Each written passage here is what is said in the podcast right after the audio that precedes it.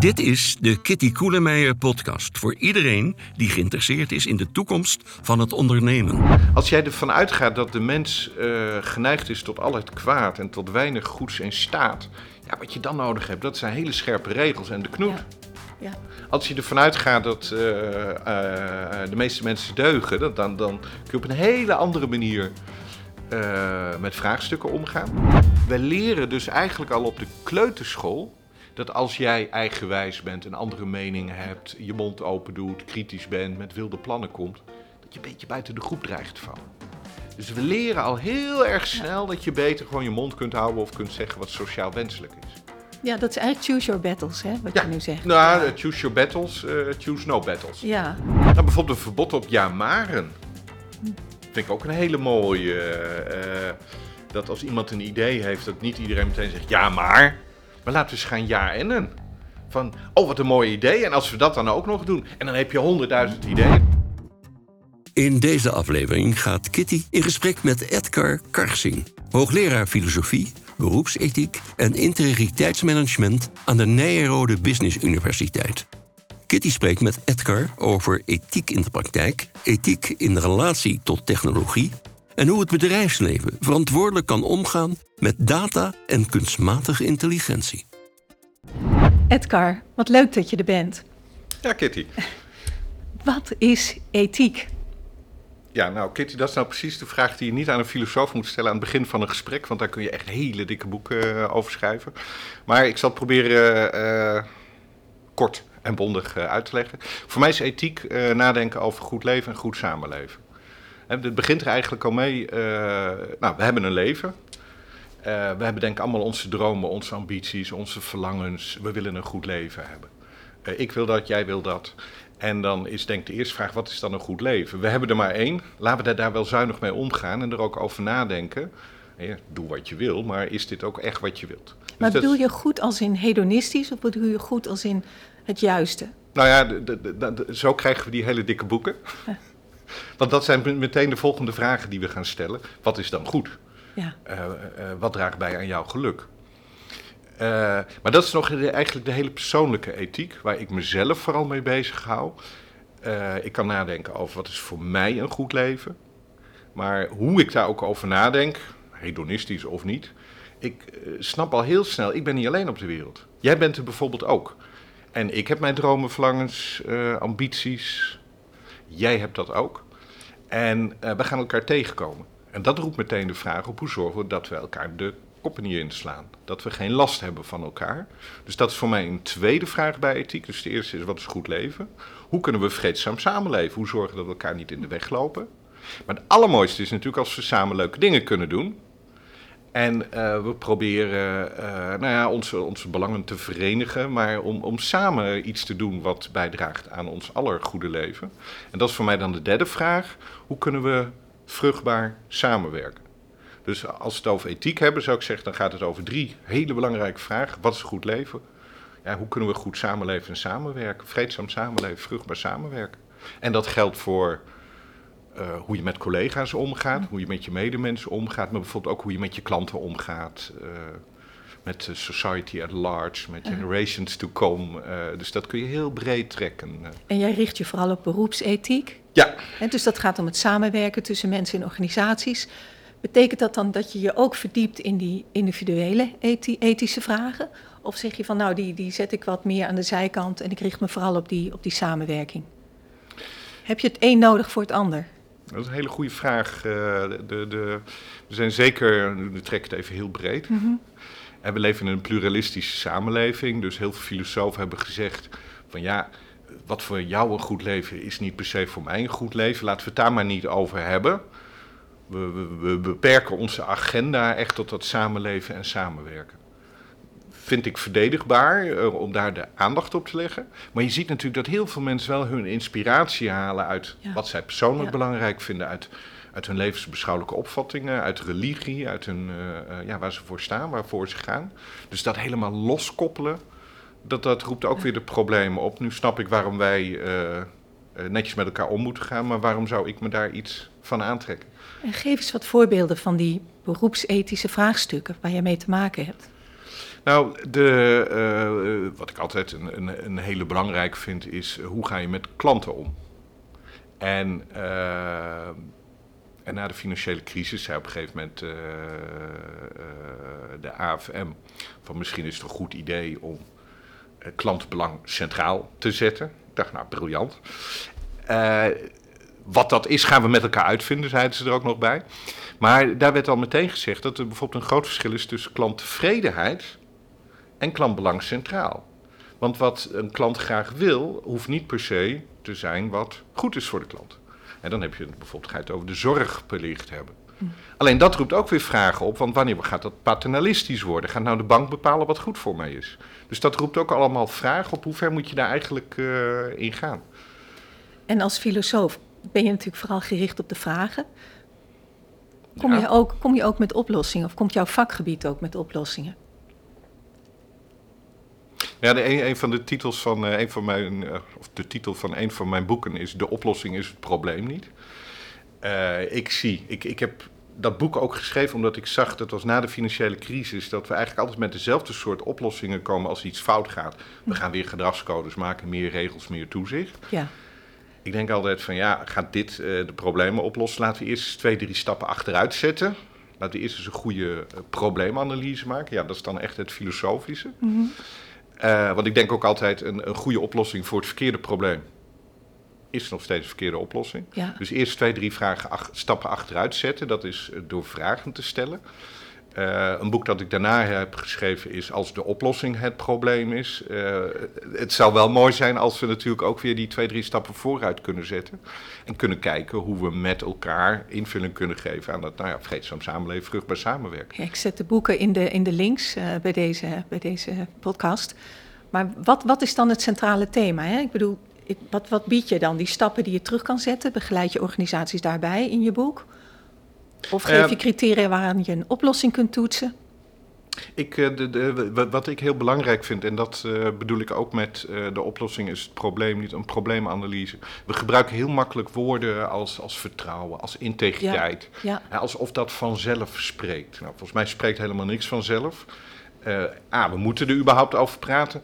Maar uh, je kunt zo'n woord wel heel vaak gebruiken. Maar als we het niet uitleggen, niet met elkaar uh, kijken wat we ermee bedoelen, blijft dat een heel vaag begrip.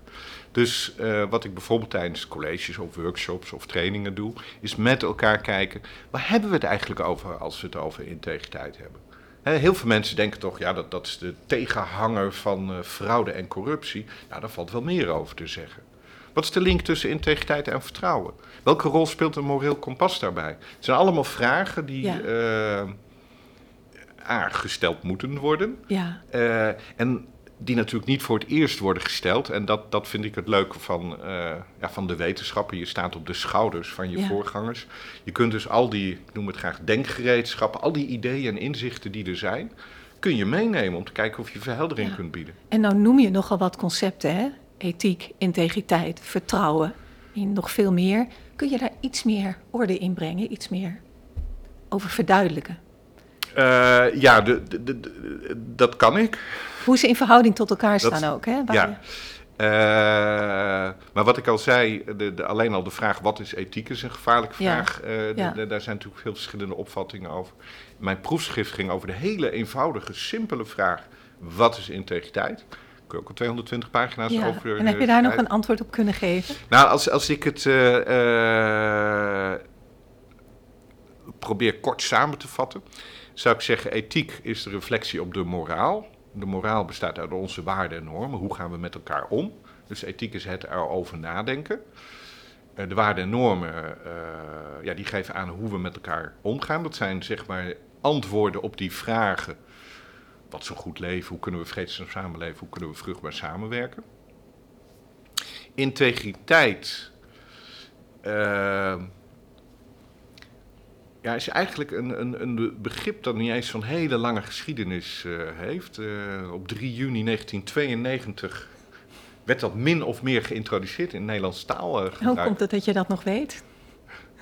Om uh, nou, het is een hele beroemde toespraak van uh, Indales. Uh, zij heeft dat, ze was destijds minister van Binnenlandse Zaken. En wat Struisse dame altijd boos, ja. ze wil een hele boze ja, toespraak. ik herinner me. En dat was toespraak voor burgemeesters en wethouders. En ik heb die ambtenaar ook geïnterviewd die die toespraak heeft geschreven. En hij zei, hij zei, ik heb vier of vijf versies van die toespraak. En na iedere versie zei ze, dit is nog niet boos genoeg. En in de laatste versie kwam dat woord integriteit. Nou, zij heeft dat echt op de agenda gezet. En dat begon dus bij de overheid. Kunt ook gezegd, daarmee heeft ze beroepsethiek op de agenda gezet. Maar goed, daar is dat woord integriteit min of meer geagendeerd. Krantenanalyse op losgelaten. Daarvoor stond het nooit in de krant. Nee. Nou, sla vandaag de dag een FD, Ja. een NRC, een Ja, Volkskrant. absoluut. Het staat er iedere dag in. Het begon bij de overheid. Dat waait eind jaren 90 langzaam naar de financiële sector over. Bijvoorbeeld in 2001 zegt de Nederlandse bank... alle banken, verzekeraars, pensioenfondsen... moeten een integere en beheerste bedrijfsvoering hebben. 2003, code tabaksblad, code goed ondernemingsbestuur. Dat wordt Ja. opeens de integriteitscode van het bedrijfsleven genoemd. Dus dan waait het zo helemaal uit. En wat betekent het dan? Ja, dat is een Ja. goede vraag. Want als je in het woordenboek kijkt, staat daar eh, heelheid. Dat is de letterlijke betekenis Ja, rechtschapenheid en probiteit. Nou vind ik probiteit een heel mooi woord, eh, warme klankwaarde. Ik zou niet weten wat het is. Ja. dat is ook weer zo'n woordenboekwoord. Probiteit betekent integriteit. ja. Dus dat, dat was de eerste worsteling. Waar hebben we het eigenlijk over? En Indales had het heel erg over machtsbederf en vertrouwen.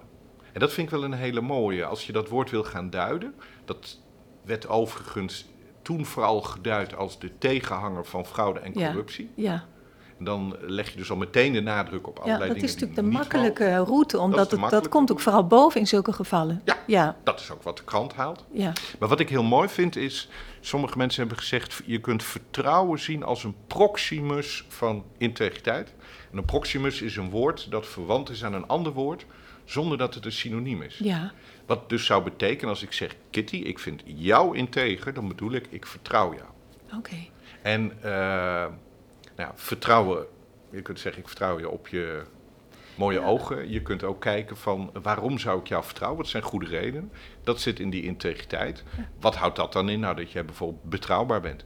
Dat jij aan je afspraken houdt. Dat ik weet dat je geen verborgen agenda's hebt. Ja, en in mijn vakgebied hè, is, is eh, integriteit een van de drie dimensies van vertrouwen. Ja. Want je hebt daar ook nog, het is, het is specifiek voor het domein waarin je actief bent, dus je hebt daar ook competentie bij.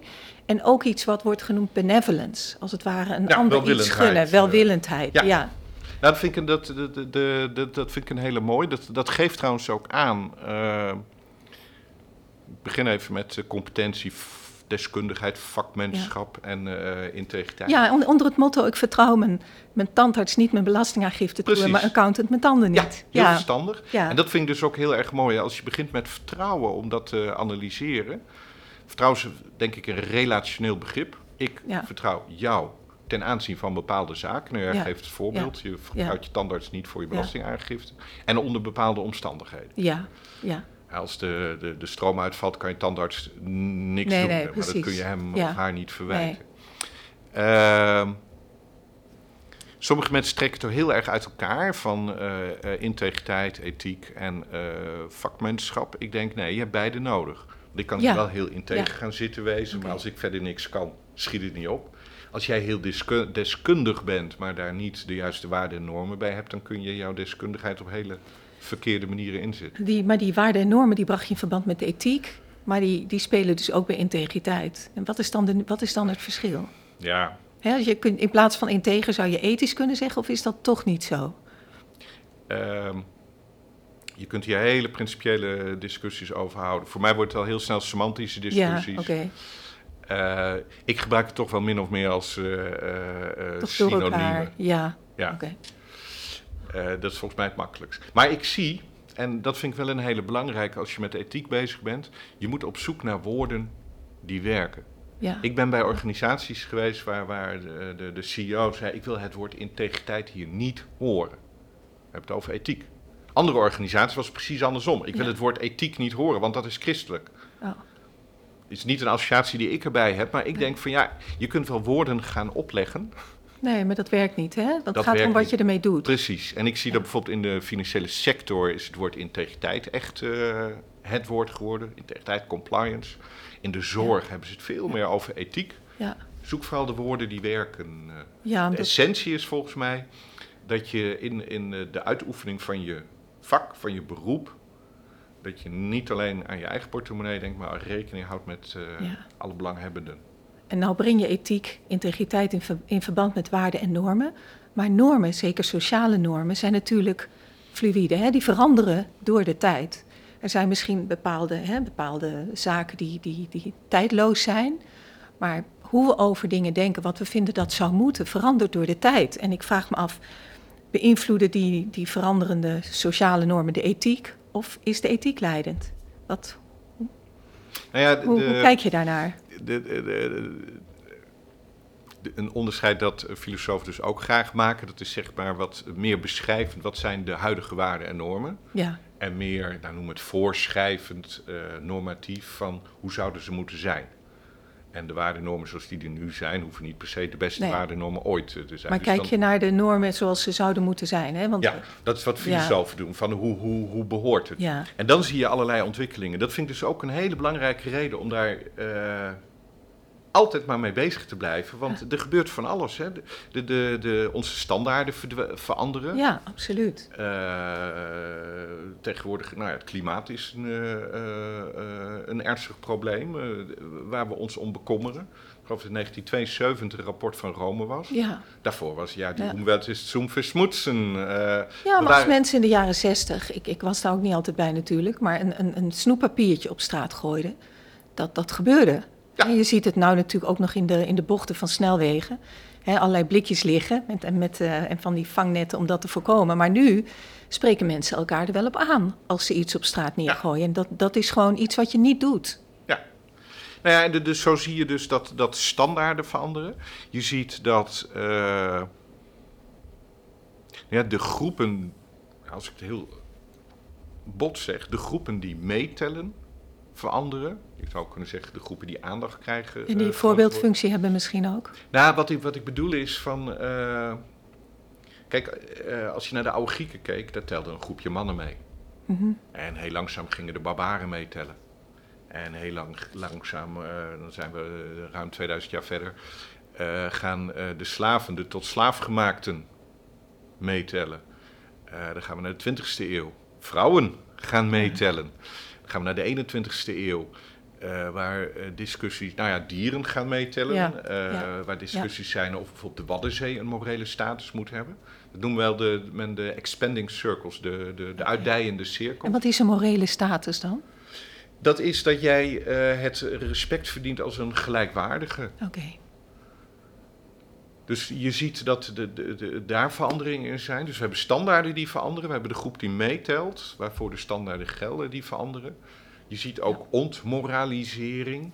En bijvoorbeeld interraciale huwelijken waren op een gegeven moment verboden. Dat mag gelukkig tegenwoordig. Homoseksualiteit was heel lang verwerpelijk. Dat mag tegenwoordig. Eh, het renteverbod, even economisch. Je mocht geen rente vragen. Nou, dat doen we tegenwoordig. Dus je ziet hoe onderwerpen van de agenda verdwijnen. Maar je ziet ook eh, nieuwe onderwerpen, neem de MeToo-beweging, waarmee eh, de, de, de omgangsvormen op het werk heel nadrukkelijk weer Ja. worden geagendeerd. Ja. Dus het is enorm in beweging. Ja, Daarom, eh, ik, ik hoor wel eens mensen zeggen van ja, ik heb goede opvoeding gehad, ik heb een goed moreel kompas. Ik denk ja, leuk. Maar, maar eh, eh, eh, we moeten ons kompas wel voortdurend blijven eiken. En op nieuwe problemen, Ja. nieuwe omstandigheden toepassen. En wat mij, ik, ik ben natuurlijk econoom en marketeer, dus als ik naar waarde kijk, hè, denk aan de, de Schwartz values, dan, dan is het ook zo dat waarden die mensen heel belangrijk vinden, zoals veiligheid, eerlijkheid, dat betekent ook vaak dat ze vinden dat anderen zich zo moeten gedragen. Hè? Dat, dat, dat, dat gaat niet altijd per se over henzelf. Nee, en dat, dat, dat probeer ik ook tot uitdrukking te, breien, te, te brengen in dat onderscheid. Het gaat niet alleen maar over, Ja. eh, over mezelf, over Ja. hoe, wat, hoe leid ik een goed leven. Maar het gaat ook over samenleven en samenwerken. Het gaat er ook over hoe wij met elkaar omgaan. En dan is het natuurlijk niet raar dat ik eh, ook Ja. wat van jou verwacht. Zijn mensen intrinsiek goed, volgens jou? Hoe kijk je daarnaar? Dat is wel een filosofische vraag, Een toch? hele filosofische vraag.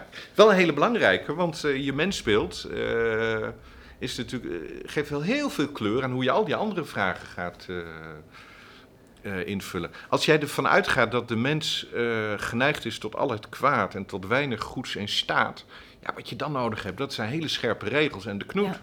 Ja. Als je ervan uitgaat dat de meeste mensen deugen, dan, dan, dan kun je op een hele andere manier met vraagstukken omgaan. Ik zelf, eh, en ik, ik eh, eh, verwijs nu naar een boek van Rutger Brechtman, Ja. die bestseller, Ja. jaloersmakende bestseller, De meeste mensen deugen, waarin hij inderdaad heel mooi laat zien dat als we nou, is er niet van uitgaan dat mensen slecht zijn, maar als ze goed zijn, dat je op hele andere manieren de samenleving kunt inrichten. Ik heb daar zelf ook een stukje over geschreven over dat boek. En daarbij was mijn suggestie, misschien had de titel beter kunnen zijn, De meeste mensen deugen meestal. Want eh, de omstandigheden zijn ook wel heel erg belangrijk. Je noemde net dat voorbeeldje van eh, we spreken elkaar aan als je iets op straat gooit. Eh, ik weet eigenlijk helemaal niet of dat wel zo is. ja, soms is dat zo. Soms hè? is dat en soms zo. Durven, durven mensen dat niet, inderdaad in bepaalde omstandigheden. Precies. Ja. En als je ziet op wat, wat voor een zooi er iedere dag van het strand wordt gemaakt. Ja, En ik las daar ook laatst van een psycholoog een stukje over. Die zei, ja, maar je bent er ook anoniem. ja. Ik ga natuurlijk niet ook op zo. eh, het strand gooien als jij naast me ligt. Nee. Maar als ik al die mensen niet ken, whatever. mooie van, de- van het uitgangspunt dat mensen goed zijn, dat is dat je, dat je een optimisme krijgt en ook samen daardoor veel meer, veel meer kunt doen. Hè, dat je veel meer defensief, minder defensief bent of op je hoede voor een ander. Maar nou hebben we in deze podcast ook Hand ten Broeke, die zich bezighoudt met geopolitiek. En die zegt, ja, Nederlanders, die staan veel te argeloos en te onbevangen in de wereld. Die kijken naar de rest van de wereld in termen van toerisme en eh, zaken doen. En die vergeten dat de wereld gewoon niet altijd een veilige plek is. En dat je, dat je je ook moet beschermen tegen allerlei zaken. Dat er gewoon heel veel risico's zijn, dat je iets kan overkomen. Hoe rijm je die zaken met elkaar? Nou, in de, in de eerste plaats zei ik eh, dat eh, je zeg maar een soort... Nou, misschien een continuum hebt. Je hebt een, twee uitersten. Mens is eh, goed, mens is slecht. Ik denk dat er ergens een mixvorm is. En mensen zijn geen, geen, geen engelen, maar ze zijn ook geen duivels. Eh, met mijn opmerking over het boek van Rutger Bregman, De meeste mensen Ja. deugen meestal, geef ik ook aan dat de omstandigheden wel heel erg belangrijk eh, zijn. Dus dat het ook een interessante vraag wordt. Bijvoorbeeld in een organisatie, wat wordt hier nou echt gewaardeerd? Hoe belonen we mensen? Hoe motiveren we mensen? Als je mensen alleen maar afrekent op zoveel mogelijke omzet, dan moet je niet raar opkijken als ze alleen nog maar bezig zijn met zoveel mogelijk omzet eh, Ja. maken. Dus Ja, en, maar dat, is- dat is een, een factor van de omgeving. Ehm, we hebben het gehad over, ik zei vertrouwen is een relationeel begrip. Je had dat hele mooie voorbeeld van je tandarts. Vertrouwen is mooi, maar wees niet blind. ja, En je kunt naar competentie kijken, naar integriteit, naar welwillendheid. Je kunt dus daar een analyse van maken. En zo denk ik ook dat je naar de wereld moet kijken. Eh, alleen maar uitgaan van dat de mens ten principale slecht is, eh, wordt volgens mij een hele nare wereld. Daar Ja, heel veel te veel mooie ook. dingen. ja.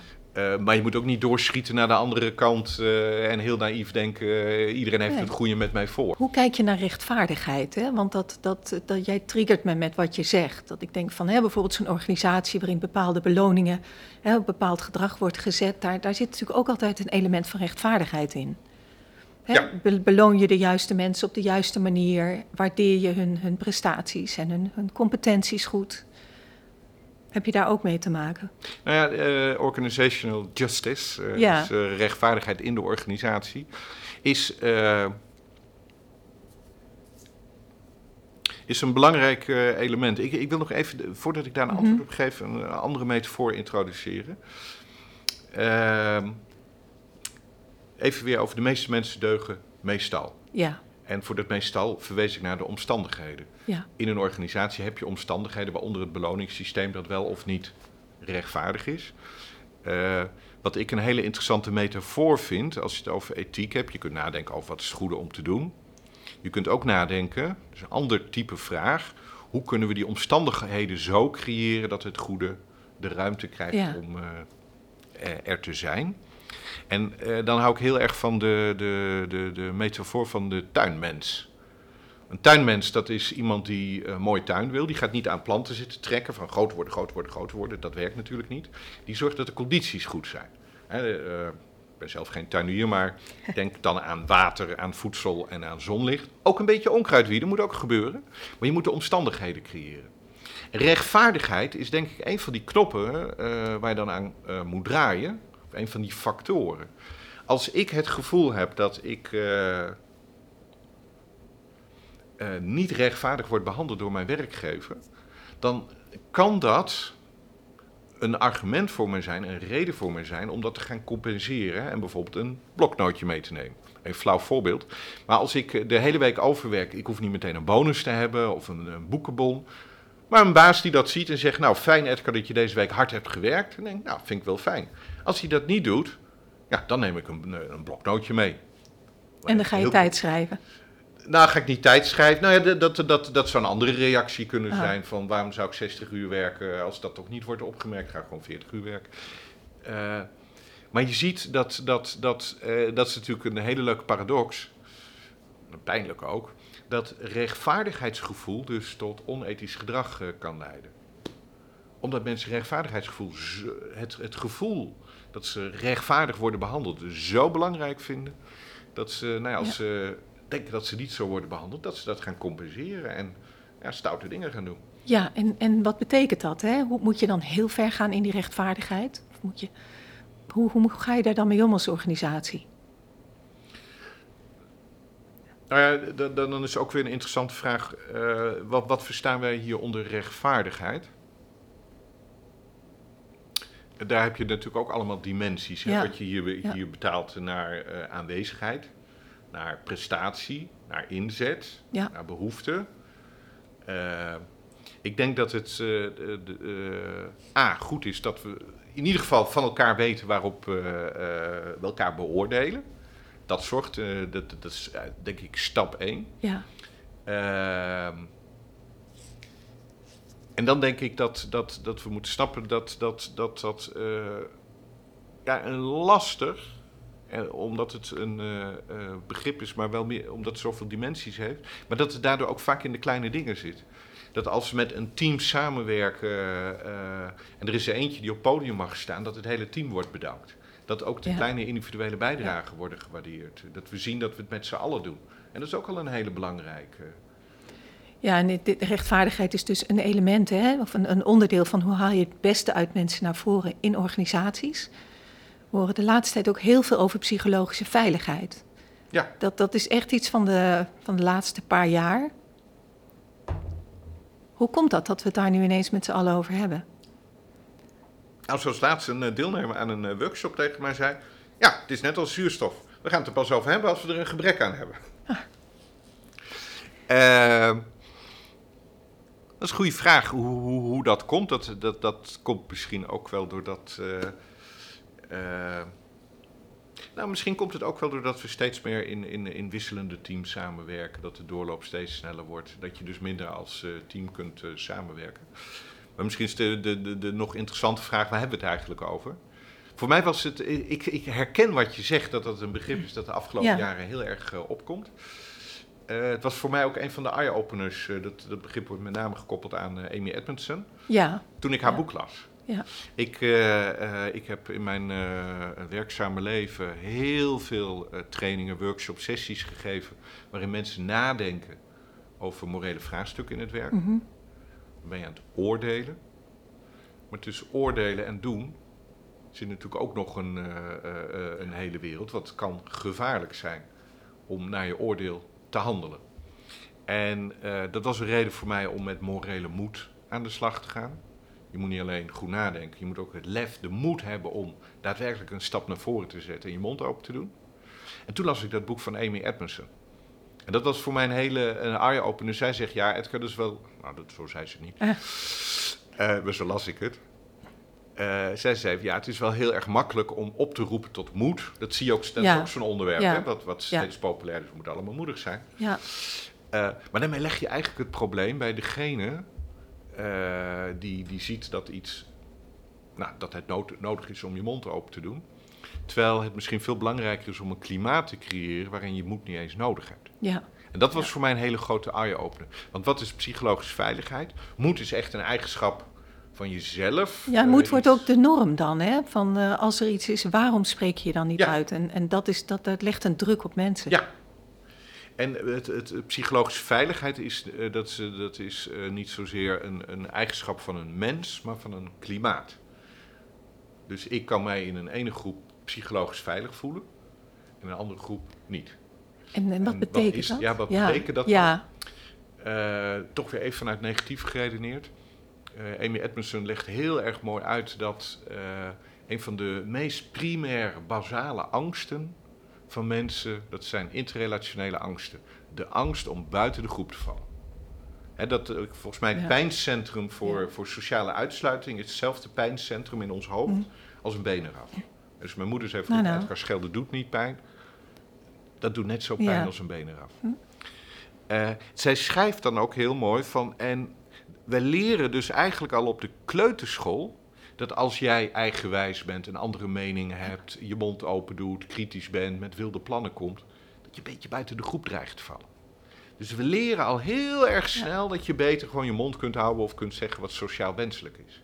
Ja, dat is eigenlijk choose your battles, hè, wat Ja. je nu zegt. Nou, ja. eh, choose your battles, eh, choose no battles. ja, nog beter, ja. En zij schrijft dan ook van ja, en, en- en op het moment dat we op het werk komen, dan zijn we er vol, volmaakt in. Als je erbij wil horen, moet je vooral niet kritisch zijn. Moet je geen eh, eh, wilde ideeën hebben. Loop gewoon mee met de massa. En zij zegt dat ook nog het lastige is dat we het ook niet zien. Als ik bij een vergadering zit en de hele vergadering mijn mond niet open doe, komt dat omdat ik niks te zeggen heb, omdat ik geen ideeën heb of omdat ik het niet durf. Je ziet het niet aan de buitenkant. Nou, dus dit is zeg maar psychologische onveiligheid, Ja. wat we dus eh nou, van kinds af aan eigenlijk al meekrijgen. Het lastige is, en misschien is het ook e- in ieder geval een reden waarom het nu eh, terecht heel actueel is, dat eh, we alleen maar kunnen, echt kunnen samenwerken in een team, wat steeds meer nodig is in de huidige samenleving, als we onze mond open doen. Als we de, de diversiteit van, van, van inzichten, meningen, wijsheid, ideeën die in de groep aanwezig is, als die daadwerkelijk op tafel komt. Maar dat doen mensen alleen maar als ze zich psychologisch Ja. veilig voelen. Ja. Dat ze er niet op worden afgerekend, dat ze niet als vervelend worden gezien. En Amy Edmondson die deed ooit onderzoek eh, onder verpleegkundigen. Die, die wou kijken wat zijn succesvolle teams. En haar aanname was dat dat teams zijn die de minste fouten maken. Maar het bleek dat dat juist teams waren die in ieder geval op papier de meeste fouten maakten. Want daar voelde men zich veilig om de fouten op tafel te leggen. En dan kun je er ook van leren. ja. Google heeft hier ook onderzoek naar Ja. gedaan. Die, die, die, die waren met name geïnteresseerd in succesvolle teams. ja. En ze hebben alle vormen van diversiteit eh, eh, onderzocht, Ja, maar het daar was nooit een succesfactor. Hm. Totdat ze, eh, geïnspireerd door Amy Edmondson, naar psychologische veiligheid gingen kijken. En wat ze inderdaad zagen, waren teams waarin sprake was van een hoge mate van psychologische veiligheid. Waar mensen hun mond open durven te doen, waar ze hun bijdrage durven te leveren. Dat daar juist succes... eh, En dat, dat is dan eigenlijk ook cognitieve div- diversiteit. Hè? Een andere mening durft te hebben, een andere manier van redeneren. Dat hoort daar ook bij. En die ook die, die uit te spreken. is ja. niet alleen cognitief Nee, nee, maar, die, dat hoort eh, daarbij. ja. Anders durven zijn. En ik kom het zelf vooral tegen in de context van innovatie. Als je succesvolle innovaties wil doen, dan heb je psychologische veiligheid nodig, omdat je vernieuwende ideeën wil horen. Ja. En hoe, hoe creëer je nou zo'n klimaat van, van eh, psychologische veiligheid? Wat moet je dan doen? Zijn er een paar stappen die je kan nemen? Nou, wat- wat, ik het mooie vind van dat boek van eh, Amy Edmondson is dat ze eigenlijk laat zien dat het geen hogere wiskunde is. En, eh, maar dan moet de leidinggevende wel gaan tuinieren, even in mijn woorden. Zij, zij geeft ook heel mooi aan psychologische veiligheid kun je zien als de rem op de auto. Dus als, nou, als het op de rem staat kun je rijden. Maar zij het is niet de brandstof. Hm. Dus eh, het eerste wat je moet doen, eh, zei ze, is in ieder geval zorgen dat er ook een, een, een hoger doel is waar mensen zich ook aan willen verbinden. Wat, wat, wat, eh, waar ze zin in Ja. hebben. Purpose. Vervolgens moet je heel nadrukkelijk ook aangeven hoe belangrijk het is dat iedereen meedoet. Dat we echt elkaar nodig hebben. Wat niet betekent dat we elkaar allemaal de hele tijd aardig moeten vinden. Hè, zonder wrijving Nee. geen glans, we hoort er allemaal bij. Maar we hebben elkaar allemaal nodig. En je moet mensen ook nadrukkelijk uitnodigen. Denk even, hè, die Edgar die de hele vergadering niks zegt. Eh, we weten niet waarom die niks zegt. Nee. Je moet hem nadrukkelijk eh, uitnodigen. Misschien moet je er ook een paar simpele spelregels bij hebben. Dan kun je zeggen, ja, dit zijn open deuren, maar soms helpt dat wel. Laten we elkaar eens uitpraten. Eh, je kunt eh, dingen doen als... eh, nou, bijvoorbeeld een verbod op ja-maren. Vind ik ook een hele mooie. dat als iemand een idee heeft, dat niet iedereen meteen zegt ja maar. Maar laten we eens gaan ja-ennen. van, oh wat een mooi idee. En als we dat dan ook nog doen. En dan heb je honderdduizend ideeën. Dat is natuurlijk veel te veel voor innovatie. Maar Ja, kill your darlings. eh, eh, eerst breed gaan en daarna pas eh, natuurlijk gaan selecteren. Met dat ja maar. Als ik Ja. een mooi idee heb en jij zegt, Ja. "Ah, het kan maar, dat hebben we al eens geprobeerd. Ja, dan, dan zakt mijn energie ook Ja. weg. Ehm, en wat zij ook nog zegt, dus het, het is, eh, eh, ze noemt dat de wegbereider. Dus duidelijk maken dat het belangrijk is en waarom het belangrijk is. Eh, mensen uitnodigen tot participatie. Dus actief ook echt zeggen: Ik wil ook graag horen wat jij te vertellen hebt. En daar wellicht een aantal spelregels bij hebben. Eh, en wat zij eh, als derde noemt, nu doe ik het even uit mijn hoofd, dat is op de goede manier reageren. Dat is dus ook complimenten geven. Als jij iets zegt waarvan ik denk, Kitty, ben je helemaal gek geworden, dat niet meteen zo formuleren, maar zeggen, fijn Kitty, dat je dit naar voren brengt. Wat niet betekent dat ik je gelijk moet geven, maar in ieder geval fijn. Dus even Ja. een onderscheid maken tussen dat je überhaupt eh, Ja. iets naar voren brengt. En dan kunnen we daarna over de inhoud gaan eh, hebben. En zegt ze, het is geen softe benadering van alleen maar lief, lief, lief, lief, lief. Als jij echt eh, hele stoute dingen doet, ja, dan moet je ook eens een keer ontslagen worden. Dat hoort er ook bij.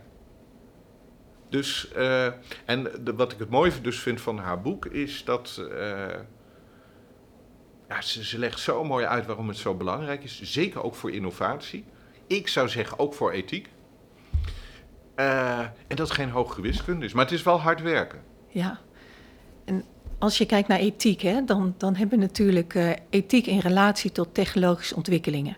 Dat is, dat is een thema waar heel veel over gezegd wordt. Hè. Dat varieert van responsible artificial intelligence tot omstandigheden in distributiecentra, de gig-economie.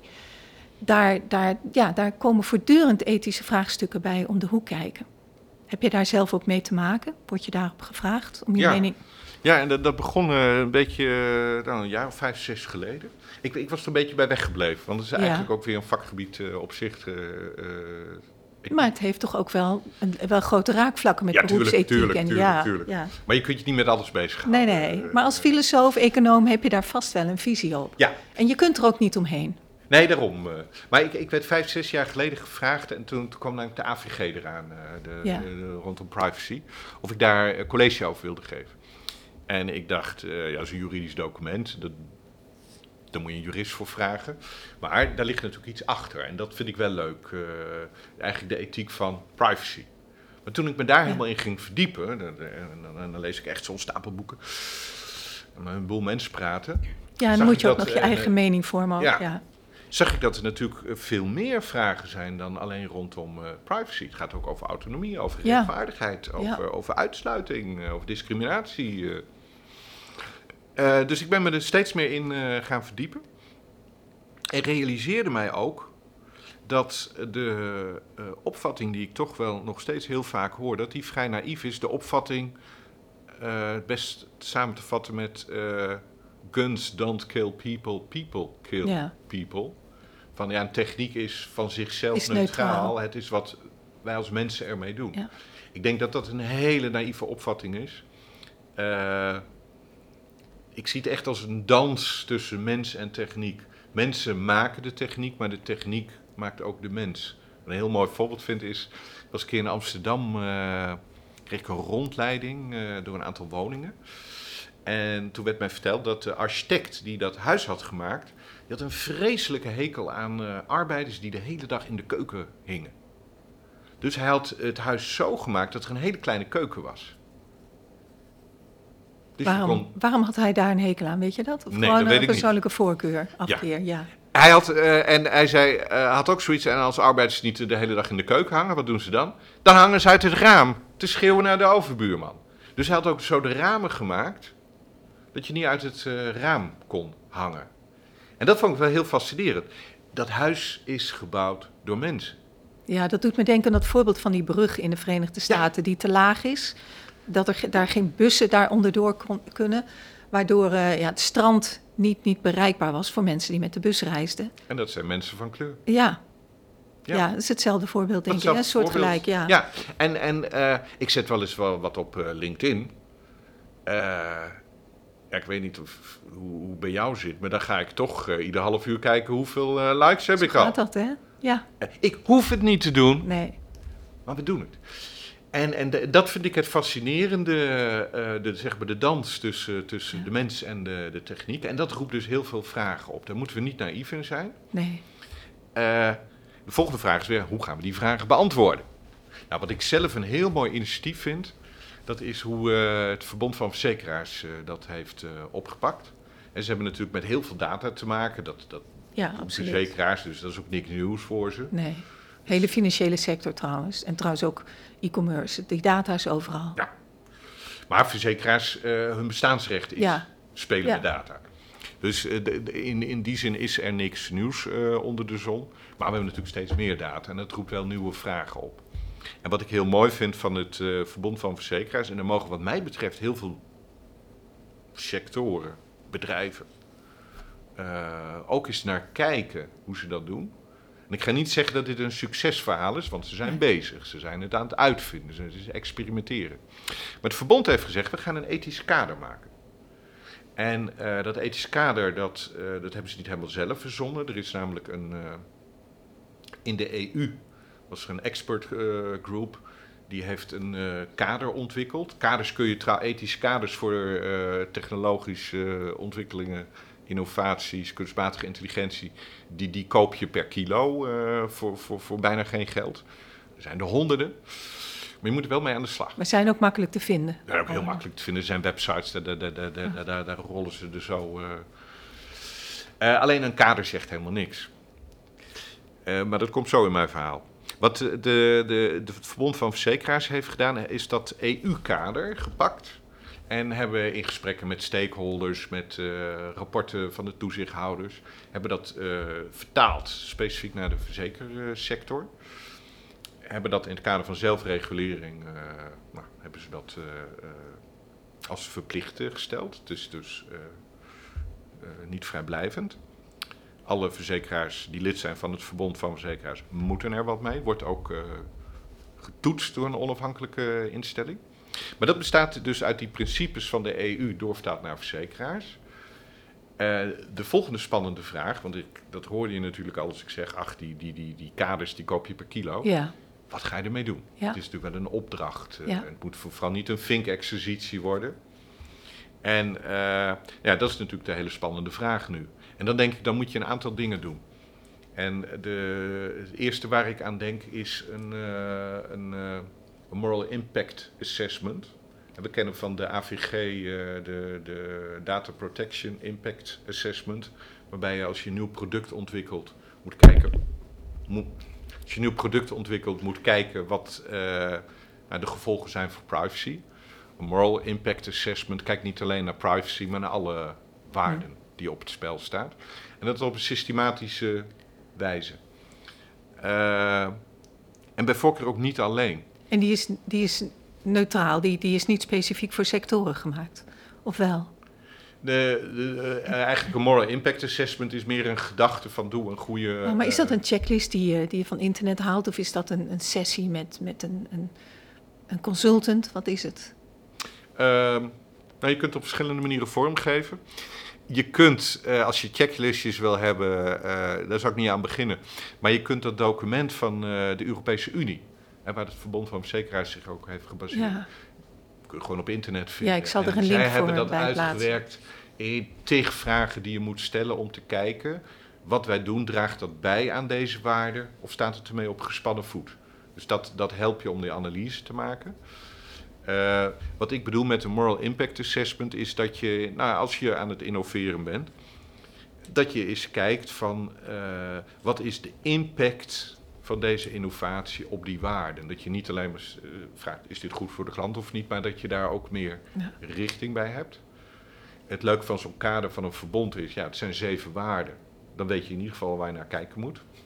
Dus dat maakt het Ja. al breder. ja. En eh, daar kun je een consultant voor inhuren, maar je kunt het ook zelf doen. Ik zie dus ook eh, steeds meer organisaties daar een commissie ethiek voor hebben, of een data governance board, eh, noem maar op. Waar ze dit soort vragen stellen. Wat ik ook het mooie vind van zo'n ethisch kader, is dat het bijdraagt aan, ja, mooi woord, morele geletterdheid. Als we het hebben over innovaties, over nieuwe technieken, dan is natuurlijk digitale geletterdheid heel erg belangrijk. Maar ook morele geletterdheid. Wat is dat? Wat is dat? Nou ja, morele geletterdheid, wat ik bedoel, als, als jouw enige woordenschat om over morele vraagstukken uh, na te denken is het is cool of het is shit, ja, dan vervalt natuurlijk alle nuance. Wat zo'n kader doet, is jouw woorden bieden om daar uh, in meer, uh, ja, meer genuanceerd uh, mm. over na te denken. Denk na over autonomie, over rechtvaardigheid, over discriminatie. het zijn allemaal het zijn woorden, maar ze verwijzen naar gewoon belangen waar we ook rekening mee moeten houden. En jij zegt dat Verbond van Verzekeraars, dat heeft het Europese voorbeeld, zeg maar de ja. template gepakt. is dat aan het invullen voor de eigen, voor de eigen branche? Ja. En dat gebeurt dan met een, een, team experts en betrokkenen uit de sector. En, en dan? Ja, dan, dan, dan wordt dat aangenomen door de ledenvergadering en is het dus verplicht en worden ze volgens mij volgend jaar, dus 2023, worden ze daar ook op getoetst. Maar dan moet je ermee aan de slag. Ja. Uh, en dan zie ik dat sommige verzekeraars zeggen, uh, even over morele geletterdheid gesproken en woorden die werken. Zeg nou, ik vind het woord autonomie ook nog wel een heel groot woord. Die gaan dat dan ook weer eerst doorvertalen. Mm. Naar, naar woorden die in hun organisatie werken. Door gewoon met medewerkers die hiermee bezig zijn te praten van wat werkt hier. Lijkt mij heel verstandig. En die medewerkers die moeten zich dat natuurlijk eigen maken. Die moeten zich dat eigen maken. Die moeten uh, dat gesprek gaan voeren. En uh, dat is natuurlijk ook een hele interessante. Wanneer voer je dat gesprek? Hoe voer je dat gesprek? Welke vragen stel je aan de orde? Ja. Nou, uh, ik weet niet of je het begrip stralend falen kent. Nou, leg maar, leg maar toe. Ik vind het prachtig klinken. ik, ik, ja. ik vind het een geweldig begrip. Ik heb dat geleerd vanuit uh, improvisatietheater. Ja, ik ken wel Fail Fast, Learn Quick. Dat, dat, dat past er misschien bij. Ja. Maar uh, dit, dit komt uit de improvisatietheater. Nou, wat, wat doen acteurs die improviseren? Die stappen het podium op en moeten Ja. improviseren. Ja. Nou, wat, wat is de grootste belemmerende factor? Dat is je ego. Want Ja. ik wil niet falen. Ja, Nou, ze leren dus zeg maar stralend falen. Zet maar een stap eh, naar voren, doe je ding. En misschien eh, lijkt het helemaal nergens op. Daar leer je alleen maar van. Wat gebeurt er nou helemaal? ja. Eh, hoogstens eh, vijf minuten van het publiek verpest.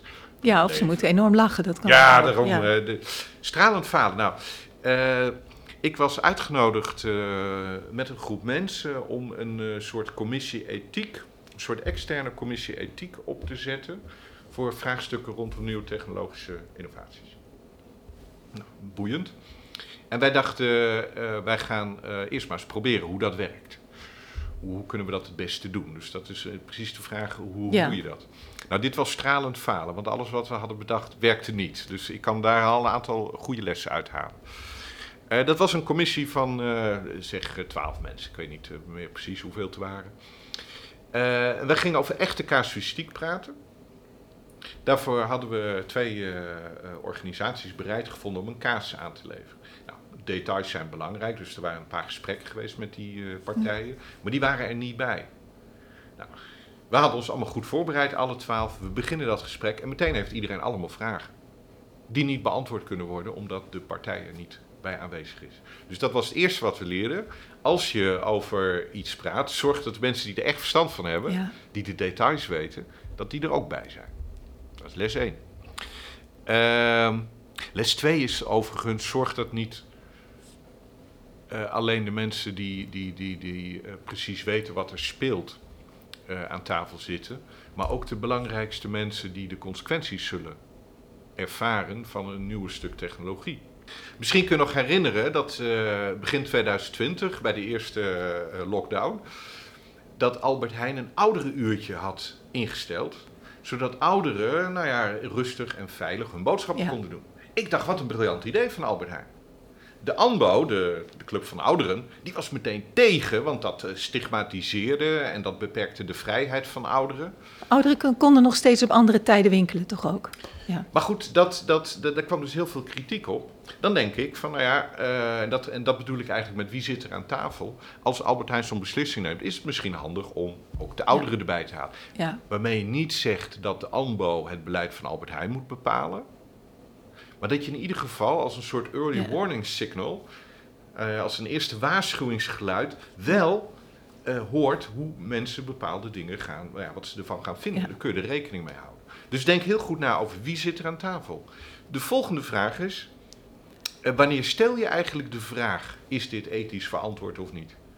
Als je dat helemaal aan het eind van het ontwikkelproces doet, dan ben je drie, drie, Ja. drie, zes, negen maanden bezig geweest, je hebt een geweldig product, zit er opeens een commissie ethiek die zeggen, gaan we niet doen. Ik bedoel, het, wordt natuurlijk wel, wel heel zwaarmoedig en dramatisch.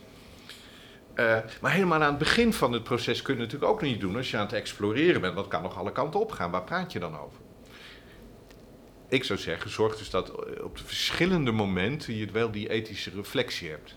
In de hele levenscyclus, in de hele levenscyclus van een product, in de ontwikkeling, ook in de gebruiksfase en bij voorkeur trouwens ook als je het weer eh, terugtrekt.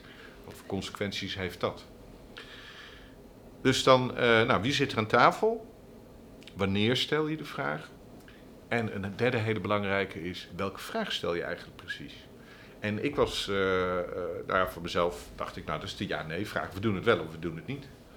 En toen werd ik gewezen op de begeleidingsethiek die onder andere door Peter Paul Verbeek is ontwikkeld. En die zegt van, ja ho ho, eh, als eh, ethiek en, eh, of techniek en mens, als dat een dans is,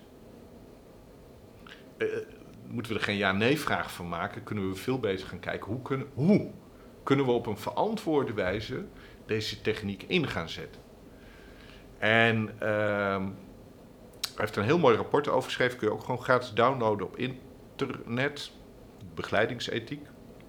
Even bijvoorbeeld voorbeeld. Er werd een, eh, een eh, algoritme ontwikkeld om ondermijning eh, op te speuren. Dus waar de, de, de onderwereld in de bovenwereld eh, probeert te infiltreren. En men heeft daarbij heel bewust gekozen om niet alle data die mogelijk was te gebruiken. Dus men heeft een stukje van de kwaliteit, want hoe meer data je gebruikt, hoe meer je kunt zien, heeft men ingeleverd omdat eh, men niet alle data wilde gebruiken. Men had zoiets van, ja, dit is allemaal hele gevoelige data, we moeten hele goede procedures hebben als we nou ja, met die data werken. Vier ogen principe. Ja. Eh, we moeten de kwaliteit van de data heel goed eh, blijven controleren. Dus men nam ook allemaal maatregelen die ja, niet in beeld komen als je de vraag stelt: gaan we wel of niet een algoritme ontwikkelen om ondermijning? Ja. dus Ja. de hoe-vraag eh, Ja. geeft veel meer ruimte om op een verantwoorde manier met eh, te- technologische innovaties om te En wat doe je dan als organisatie of als overheid in die relatie met ethiek? Wat zijn de, de regels die je moet opstellen of de, de vragen die je jezelf moet stellen? Want er komt wat uit, uit zo'n proces, toch? Ja. Nou ja, we- we- ehm, ik, ik heb nu geprobeerd een paar lessen te geven die, die wij Ja. eh, met stralend falen. eh, Maar die lessen zijn best generiek, hè? Die, die dat gelden zijn ook buiten. Ja. eh, eh, lessen. Daarom ik gebruik een concreet voorbeeld om generieke Ja, lessen tuurlijk. te illustreren. Ik denk dat iedere organisatie die bezig is met, ik zou überhaupt zeggen met innovaties, maar noem even technologische innovaties, eh, zorg dat je een moral impact assessment doet. Eh, neem de tijd, creëer de ruimte om daar met de juiste mensen aan tafel het goede gesprek te voeren. Zorg dat je voor jezelf een, eh, een ethisch kader ontwikkelt. Niet als een checklist van eh, voldoen we eraan, maar om die woordenschat te verhogen. Ja. Dit zijn de dingen waar we aandacht voor ja, dus het is heel specifiek. Je maakt het met elkaar. Je maakt het met elkaar, je bespreekt het met elkaar. Eh, maak er niet de, de dramatische ja-nee-vraag van, maar kijk hoe je het eh, eh, kunt inrichten. Durf te leren, eh, durf te experimenteren, maar hou je handen Ja. aan het sturen. En kun je ethische besluitvorming of besluitvorming op het gebied van ethiek ook vatten in een algoritme? Dat je een ethisch, niet, niet zozeer een, een verantwoordelijk algoritme maakt, maar een, een algoritme voor ethiek. Eh, ja, de, de, de, eh, daar wordt ook over nagedacht, natuurlijk. Ja, ja. wat vind je daarvan? Nou ja, en en daar, daar heb je ook weer verschillende fases. Eh, er is vorig jaar een heel mooi rapport verschenen dat ik nu even niet kan reproduceren. Maar waar ook wordt gekeken, je kunt het gebruiken als zeg maar hulpmiddel bij de besluitvorming. Tot aan eh, dat eh, het Ja. algoritme helemaal autonoom eh, de beslissing neemt. Dus daar heb je ook verschillende varianten in, net als met de rijdende auto.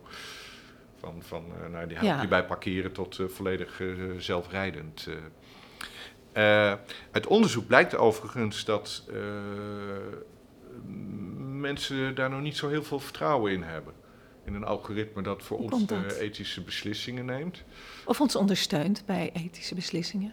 Hoe komt dat? Mm, ja, een goede vraag. Uh, de, de, ik denk dat voor veel mensen ethiek toch wel iets heel essentieels is. Wat je niet zomaar uitbesteedt. Maar het is wellicht ook een kwestie van gewenning. volgens mij hebben we over meer dingen gezegd: dit gaat niet gebeuren. Ja. Ja, of dit kan niet. Ja. Ik, ik, ik zelf zou daar ernstige twijfels bij hebben. Want uh, volgens mij. Uh,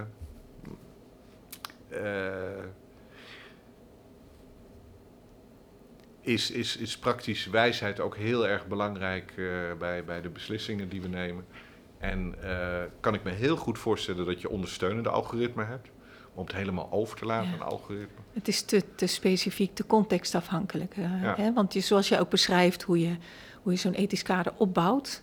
Hè? En, dat, dat, uh, ja, dat is gewoon een lang proces waarbij je wel algemene uitgangspunten hebt, een template kan nemen, maar dat dan toch helemaal specifiek voor jouw situatie moet invullen. Ja. En de, ja. Maar, dan gaan we het even over de dans van uh, de mensen en de techniek hebben. Mm -hmm. Er zit natuurlijk in techniek al heel veel moraal. Ja. Ja. En dat, dat is ook wat ik uh, uh, nou ja, met zo'n moral impact assessment belangrijk vind om dat ook weer expliciet te maken. Als LinkedIn besluit dat ze niet meer aangeven hoeveel links jij hebt, als ik het goed heb, omdat ja. uh, de mensen dan ja. alleen maar op links uh, gaan jagen. Ja, ja of YouTube weer... uh, geen, geen negatieve waarderingen hè, meer geeft. Ja, maar dat is een menselijke beslissing, toch? Dat is een menselijke beslissing die wel nou, onze handelingsruimte mede bepaalt. Ja. Ja. ja. Wat, wat zie jij voor de toekomst nog voor, voor belangrijke vragen als het om technologie en ethiek gaat? Of misschien zelfs ethiek in het algemeen? Wat, wat gaat de komende vijf tot tien jaar de agenda beheersen? Nee, dat weet ik niet. Ik, ik, ik ben veel meer bezig met uh, hoe, hoe, hoe zorgen we ervoor dat bij al die ontwikkelingen die alle kanten opgaan, uh, dat we uh, de handen aan het stuur houden. Een heel mooi rapport verschenen van de WRR, Wetenschappelijke Raad voor Regeringsbeleid, over kunstmatige intelligentie. Waar ze ook zeggen van laten we niet alleen maar reageren, er gaat mm. echt heel veel veranderen. Hoe het gaat veranderen weten we nog helemaal niet. Maar als we alleen maar reageren als er wat fout gaat, ja. Dan, dan wordt ook niks. Dus uh, zij pleit ook voor regie. Neem de, de ik zei handen aan het stuur. Uh, laten we vooral uh, ook de regie nemen. En dat, dat zou op het ogenblik veel meer mijn zorg zijn dan, zoals iemand ook heel mooi zei de, de, de, discussie over het voorspellen van de toekomst. Het is allemaal heel erg leuk, waar gaat het allemaal uh, heen? Maar dat is niet de echte discussie. De discussie moet zijn, hoe willen we die toekomst vormgeven? Laat ons niet overvallen. Ik geloof dat Obama in Parijs heel mooi zei, we zijn de eerste generatie die de klimaatverandering uh, gaat meemaken en de laatste die er nog wat aan kan doen. Nou, misschien geldt dat ook wel voor kunstmatige intelligentie. Voor dit soort hele nieuwe technologische innovaties. Uh, we zijn nu de wereld van morgen aan het maken. Maar er zit wel een hele positieve, hoopvolle toon in wat je zegt. Ja. Als, je, als je bedoelt van uh, er is dit. regie mogelijk. Wij kunnen dit gaan doen. ja, en we moeten het ook gaan doen. ja. ja. En, en uh, ik, ik, ik hoor al te veel mensen zeggen: ach, het heeft allemaal geen zin meer. Uh, de, de, de, de, de grote machten, de China's van deze wereld, de, de, de, de, de, de, de, de, de grote uh, de Googles, de Amazons, die bepalen de wereld. Ik denk, nou, dat weet ik niet. En als ik bijvoorbeeld naar de AVG kijk, dat is dan voor Europa, de, daar kun je heel veel kritiek op hebben. Maar het is denk ik wel een van de beste dingen die we op het ogenblik hebben. Waarbij je toch probeert die datastromen een beetje te reguleren. En dat is dan alleen de Europese Unie. Maar je ziet dat het uh, wereldwijd impact heeft. Omdat veel bedrijven natuurlijk ook in de Europese Unie zitten. En toch ja. al aan die uh, wetgevingen moeten voldoen. Dus ik, ik, ben daar wel hoopvol in. Maar we moeten eh, wel echt uh, de regie blijven nemen. Niet, niet, niet alleen maar nee. afwachten of, of maar roepen, ach het gebeurt toch wel. En wie of wat inspireert jou, Edgar? Want hè, die, heb jij leermeesters? En, en wat heb je van die leermeesters, uh, ja, wat heb je van ze geleerd? Is dat, is dat je positieve rondhouding of, of zijn dat bepaalde inzichten? Maar wat voor mij een hele belangrijke leermeester eh, eh, is en was, eh, was Henk van Luik. Dat was de, op Nijrode de eerste hoogleraar bedrijfsstiek. Trouwens van heel Europa. Ik heb bij hem in Groningen al gestudeerd. eh, en hij heeft me zeg maar ook naar Nijrode gehaald. En wat ik van hem heb geleerd is, eh, nou, misschien toch ook wel een stuk positiviteit. Van, eh, er gaat een heleboel fout in de wereld. De- en, maar we zijn er wel bij en, en we kunnen daar wat aan veranderen. Wat ik ook heel erg van hem heb geleerd is eh, om, om proberen eh, concepten, filosofie eh, tastbaar, hanteerbaar te maken, zodat we er allemaal wat aan hebben. Want het, kijk, eh, ethiek is niet esoterisch. Het gaat gewoon over wat Ja. doen we met ons leven. Ik zei al, goed samenleven, goed samenwerken, goed leven. Dat, ik bedoel, het zijn vragen die de hele tijd zich opdringen. Laten we dan de, de, de, de, de, de, de enorme gereedschappenkist van eh, 2300 jaar filosofie ook gebruiken. En wat ik altijd heel krachtig van, eh, van hem vond, was dat hij, en ik praat in de verleden tijd omdat hij is eh, overleden, eh, dat hij hele moeilijke thema's op een hele goede, eenduidige, makkelijke manier eh, toegankelijk wist te maken. Dat is wat ik in ieder geval probeer eh, ook te doen. En ik heb een paar maanden geleden mijn oratie mogen uitspreken. En daar heb ik naast Henk van Luik ook Adam Smith als mijn leermeester genomen.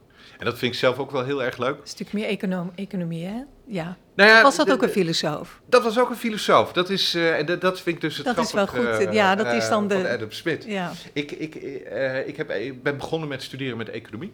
Daar kwam ik natuurlijk Adam Smith tegen. Ja. Die wordt gezien als de eerste echte econoom.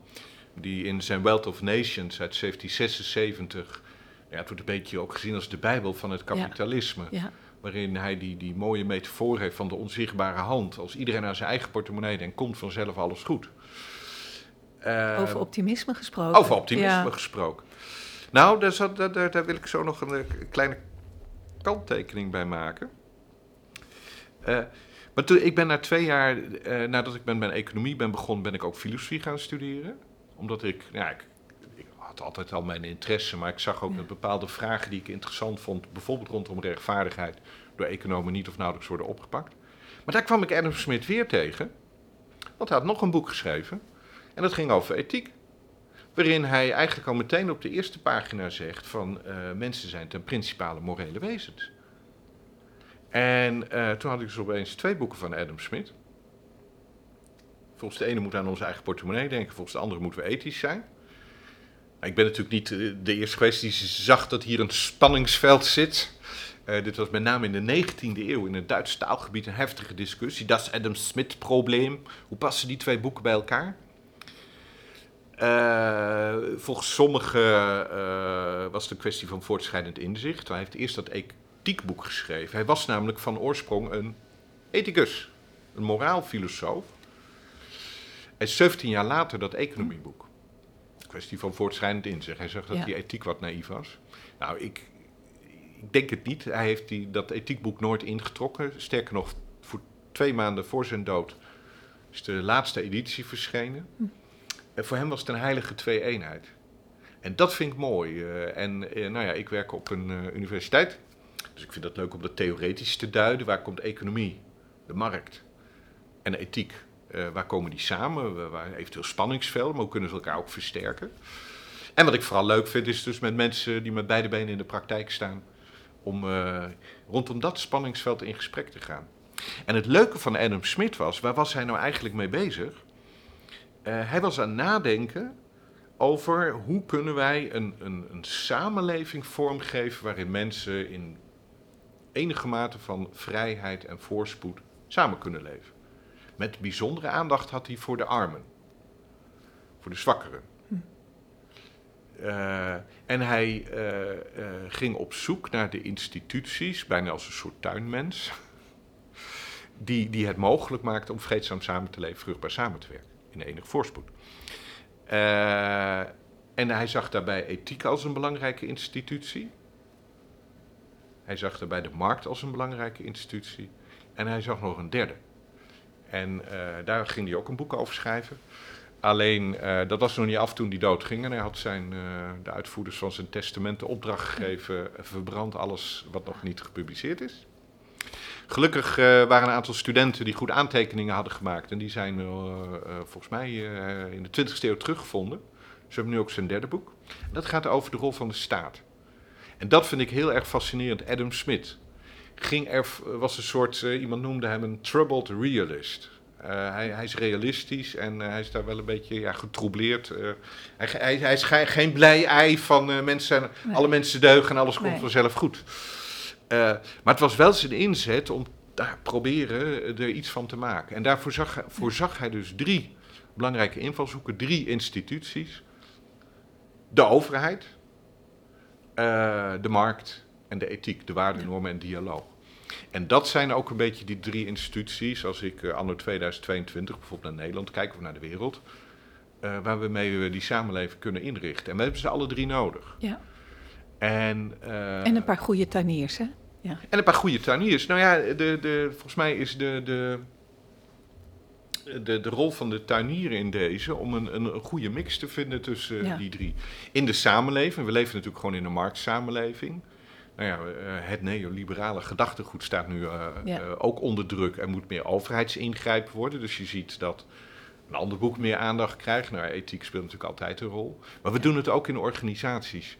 De, de KPI's, de targets, de hele motivatiesystemen rondom financiën dat is zeg maar het marktdenken. Ja. We hebben regels, we hebben procedures, we hebben compliance. Er zit veel meer aan de recht, aan... Uh, uh, en dat evenwicht verschuift door de tijd. Hè? Dat de, de, de aandacht die die drie onderdelen krijgen.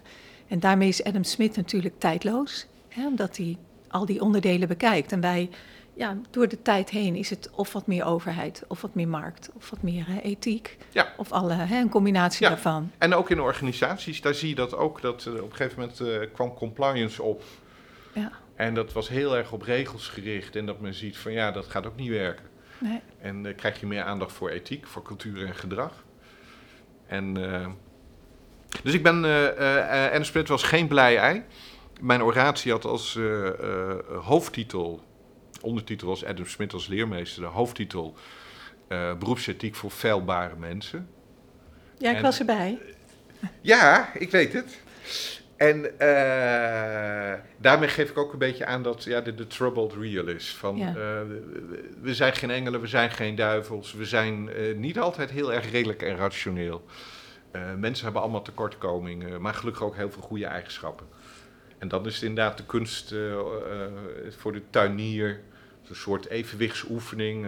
alle drie ballen, Mark recht en ethiek tegelijkertijd in de lucht houden. Hoe kunnen we een omgeving creëren ja, dat toch het beste in ons boven haalt? Heel veel om over na te denken. Dankjewel Edgar, fijn dat je er ja, was. Ja, leuk. Dit was de Kitty Koelemeijer podcast.